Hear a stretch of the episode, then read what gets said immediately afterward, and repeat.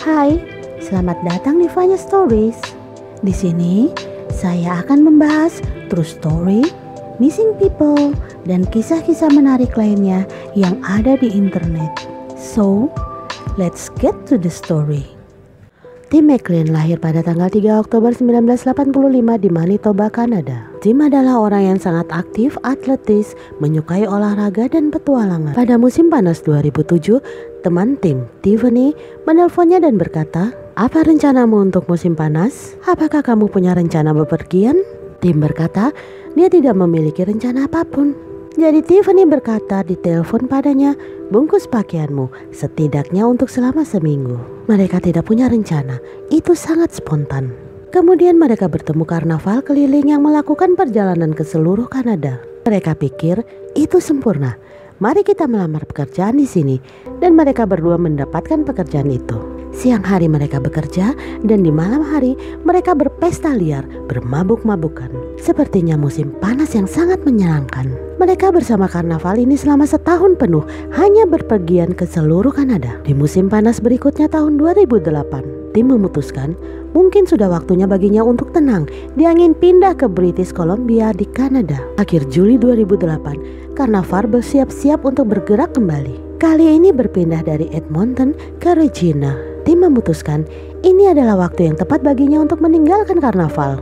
Jadi bukannya mengikuti karnaval ke Regina, dia pulang ke Winnipeg. Jarak dari tempat karnaval berada di Edmonton dan tempat tinggal orang tua tim di Winnipeg sangat jauh. Tim memutuskan naik bis Greyhound ke Winnipeg. Lewat tengah malam pada 30 Juli 2008, tim McLean naik bus 1170 ke Edmonton. Tim duduk di bagian belakang bis seperti biasanya.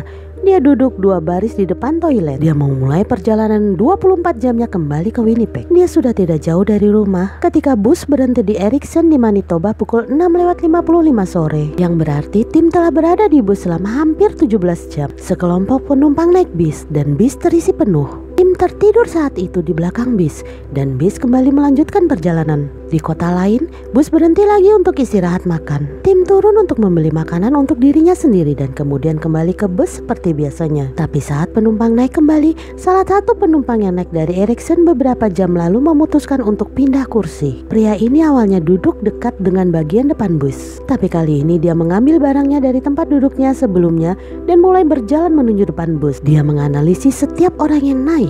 Pria ini adalah pria Tionghoa parubaya dengan kepala gundul.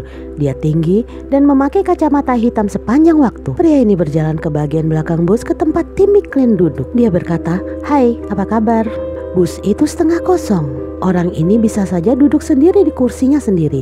Anehnya, dia memutuskan untuk duduk di sebelah Tim McLean. Tim tidak terlalu memikirkannya dan dia tertidur kembali dengan kepala menghadap jendela. Orang ini mulai bertingkah aneh menurut penumpang lain. Dia terus-menerus bermain dengan gulungan tisu toilet. Dia membawa es teh botol 2 literan dan terus meminumnya. Setelah sekitar setengah jam, dia mulai bergoyang maju mundur dan mengucapkan sesuatu dengan pelan tetapi dalam bahasa yang berbeda. Itu bukan dalam bahasa Inggris, jadi tidak ada yang mengerti. Sekitar jam 8 malam, di luar gelap dan lampu bus tidak menyala. Satu-satunya penerangan di bus ini berasal dari perangkat TV. Tapi meski bis itu sangat gelap, orang ini tetap memakai kacamata hitamnya. Tiba-tiba sekitar jam 8 lewat 20 malam, orang yang duduk di baris yang sama dengan tim melihat orang ini mengeluarkan pisau. Itu pisau berburu. Dia membuka penutupnya dan menikam tim McLean. Penumpang lain yang melihat penusukan itu langsung melompat dan berteriak. Supir menghentikan bus.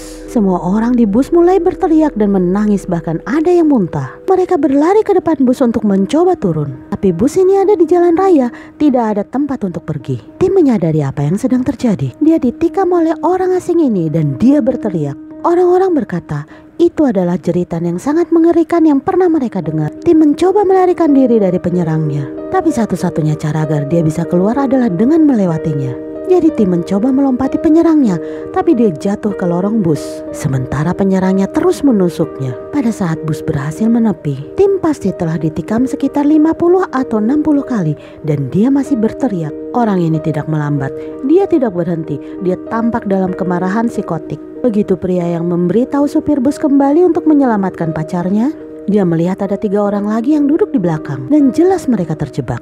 Itu adalah wanita tua, putranya, dan istrinya. Jadi pria ini dan istrinya kemudian mencoba membantu ketiga orang ini naik ke semua tempat duduk agar bisa lari dari bus dengan sangat cepat. Semua orang kecuali tim dan penyerangnya lari dari bus. Sopir bus mengunci dan melumpuhkan bus sehingga tidak ada yang bisa mengendarainya ke mana-mana. Mereka semua hanya berdiri di luar bus di jalan raya. Itu adalah pengalaman yang sangat traumatis. Thanks God, seorang supir truk bernama Chris Oldwyer sedang mengemudi di sepanjang jalan raya. Ketika dia melihat ada bis yang menepi dan semua penumpang di luar bus tampak sangat panik. Dia mengemudi perlahan melewati bus ini dan membuka jendelanya. Seorang wanita berteriak padanya, "Tolong kami, seseorang ditikam sampai mati di bus ini." Jadi Chris menipikan truknya. Dia pergi ke belakang truknya dan mengambil sebatang logam yang sangat berat dan kemudian pergi dengan supir bus dan penumpang lain untuk menghadapi penyerang ini. Mereka naik ke depan bus. Mereka berdiri di ujung lorong menyaksikan penyerang ini menikam Timmy Clint sampai mati. Pada titik ini, tidak ada yang bisa mereka lakukan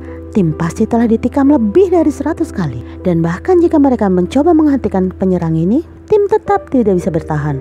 Penyerang berhenti menikam tim selama beberapa detik. Hanya untuk melihat orang-orang ini, dia tidak mengatakan sepatah kata pun kepada mereka. Pengemudi truk menggambarkan ekspresinya sebagai kosong. Semua pria hanya berdiri di depan bus. Mereka membeku karena ketakutan, shock, dan trauma. Mereka menyaksikan seorang pria menikam pria lain sehingga tewas. Si penyerang, meskipun melihat orang-orang ini memiliki senjata, tampaknya tidak terlalu takut pada mereka. Dia pindah ke sisi lain tim, berlutut di atasnya, dan mulai memenggal kepala tim. Orang-orang hanya membeku menyaksikan ini. Setelah selesai, dengan kepala tim di satu tangan dan pisau di tangan lainnya, dia mulai menuju ke pria lain. Seketika mereka sadar dan memutuskan untuk lari dari bus dan mencoba memblokir pintu bus semampu mereka. Pada saat ini polisi telah dipanggil, tapi karena ini berada di tengah jalan raya, butuh waktu agak lama. Penyerang kemudian dengan tenang berjalan ke pintu tempat orang-orang itu membarikade. Dia tidak mencoba menyerang mereka. Dia tidak mencoba keluar atau apa pun. Dia hanya menunjukkan kepala tim dan pisaunya kepada mereka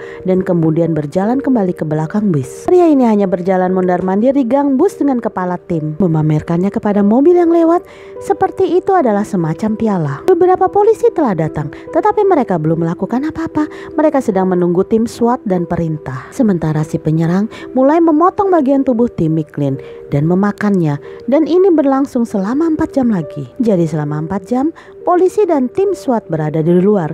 Mereka melihat ini terjadi, tetapi mereka hanya menunggu.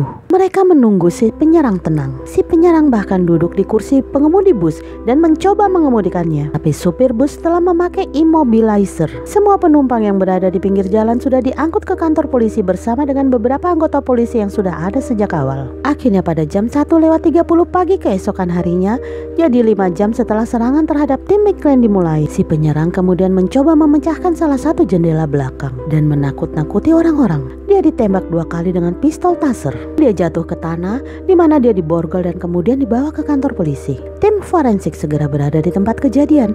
Mereka menemukan potongan tubuh Tim McLean berserakan di seluruh bus. Esokan paginya, cerita ini menjadi berita dunia ada di setiap saluran berita karena itu sangat mengerikan. Mayat Tim masih belum teridentifikasi karena dalam kondisi fisik yang sangat buruk. Keluarganya tidak tahu karena laporan berita tidak menyebutkan nama. Mereka hanya mengatakan seorang pria kulit putih muda karena mereka tidak tahu berapa umurnya. Dia tidak memiliki identitas apa pun. Ibu Tim, Carol, bangun pagi itu untuk bekerja di panti jompo sebagai koki. Sekitar jam makan siang, dia tiba-tiba merasakan firasat buruk, seperti ada lubang di perutnya, tapi dia tidak terlalu risau. Semua orang di panti jompo yang menonton berita ini langsung memutuskan untuk mendoakan keluarga korban yang tewas di dalam bus tersebut. Sementara, tim diharapkan berada di rumah ayah dan ibu tirinya untuk makan malam malam itu. Ayah tim memutuskan pergi keluar dan membeli makanan favorit tim yaitu ayam goreng. Saat dia kembali, semua teman tim ada di luar rumahnya, tapi tim tidak ada di sana. Dia punya firasat buruk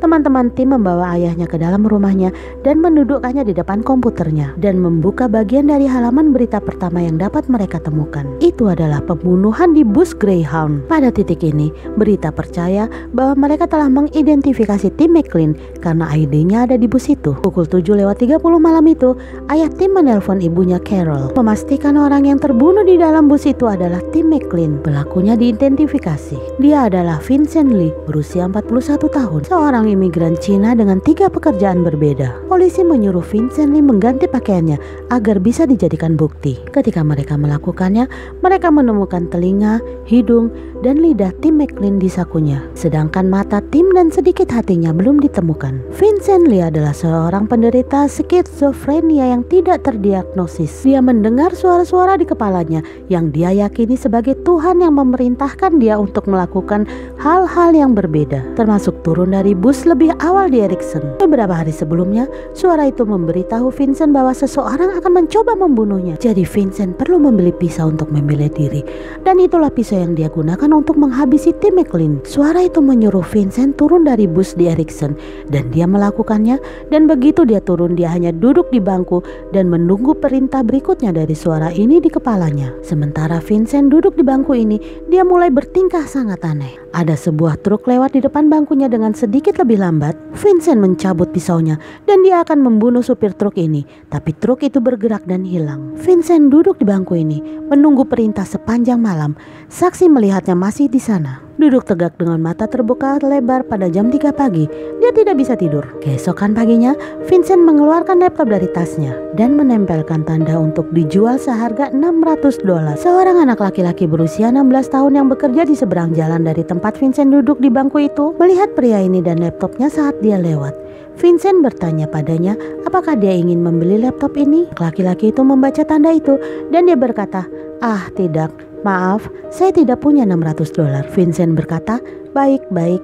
Apakah kamu menginginkannya selama enam hari? Anak laki-laki itu berkata, ya itu adalah laptop dengan kondisi yang cukup bagus seharga 60 dolar. Dan dia mengambilnya. Itulah satu-satunya saat dia berbicara dengan orang di Ericsson. Dia sudah berada di sana selama 24 jam, duduk di bangku ini tanpa berkedip. Suara itu masih belum memberinya perintah lagi. Jadi daripada menunggu di sana, Vincent memutuskan naik bus berikutnya ke Winnipeg. Sekitar jam 8 lewat 20 malam. Vincent berkata dia mendengar suara itu lagi untuk pertama kalinya dalam lebih dari 24 jam dan Tuhan memberitahunya untuk menghabisi Tim McLean dan dia melakukannya. Setelah dia menghabisi Tim McLean, Vincent berkata bahwa suara itu kemudian memberitahunya dia harus memotong-motong dan membuang mayatnya. Kalau tidak, Tim akan hidup kembali dan menghabisinya. Dia mengatakan itu sebabnya dia memakannya. Karena jika dia memakan tubuhnya, itu tidak akan bisa kembali hidup-hidup. Dia tidak bisa membuangnya karena dia dikunci di dalam bis. Jadi Vincent dinilai dan akhirnya didiagnosis menderita skizofrenia pada usia 41 tahun. Namun diyakini ia telah menderita skizofrenia sejak usia 20. Vincent juga mengatakan Tuhan secara khusus memilih tim sebagai korbannya meskipun dia tidak tahu mengapa. Vincent berharap dan ingin dieksekusi atas kejahatannya.